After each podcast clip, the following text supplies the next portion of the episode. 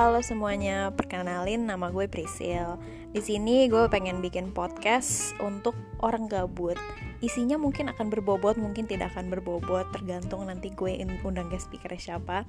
Tapi intinya gue bikin podcast ini sebagai kompetitor podcast temen gue Adar yang judulnya jarang ngomong, makanya namanya sering ngomong. Uh, ya udah segitu aja, sekian dan terima kasih.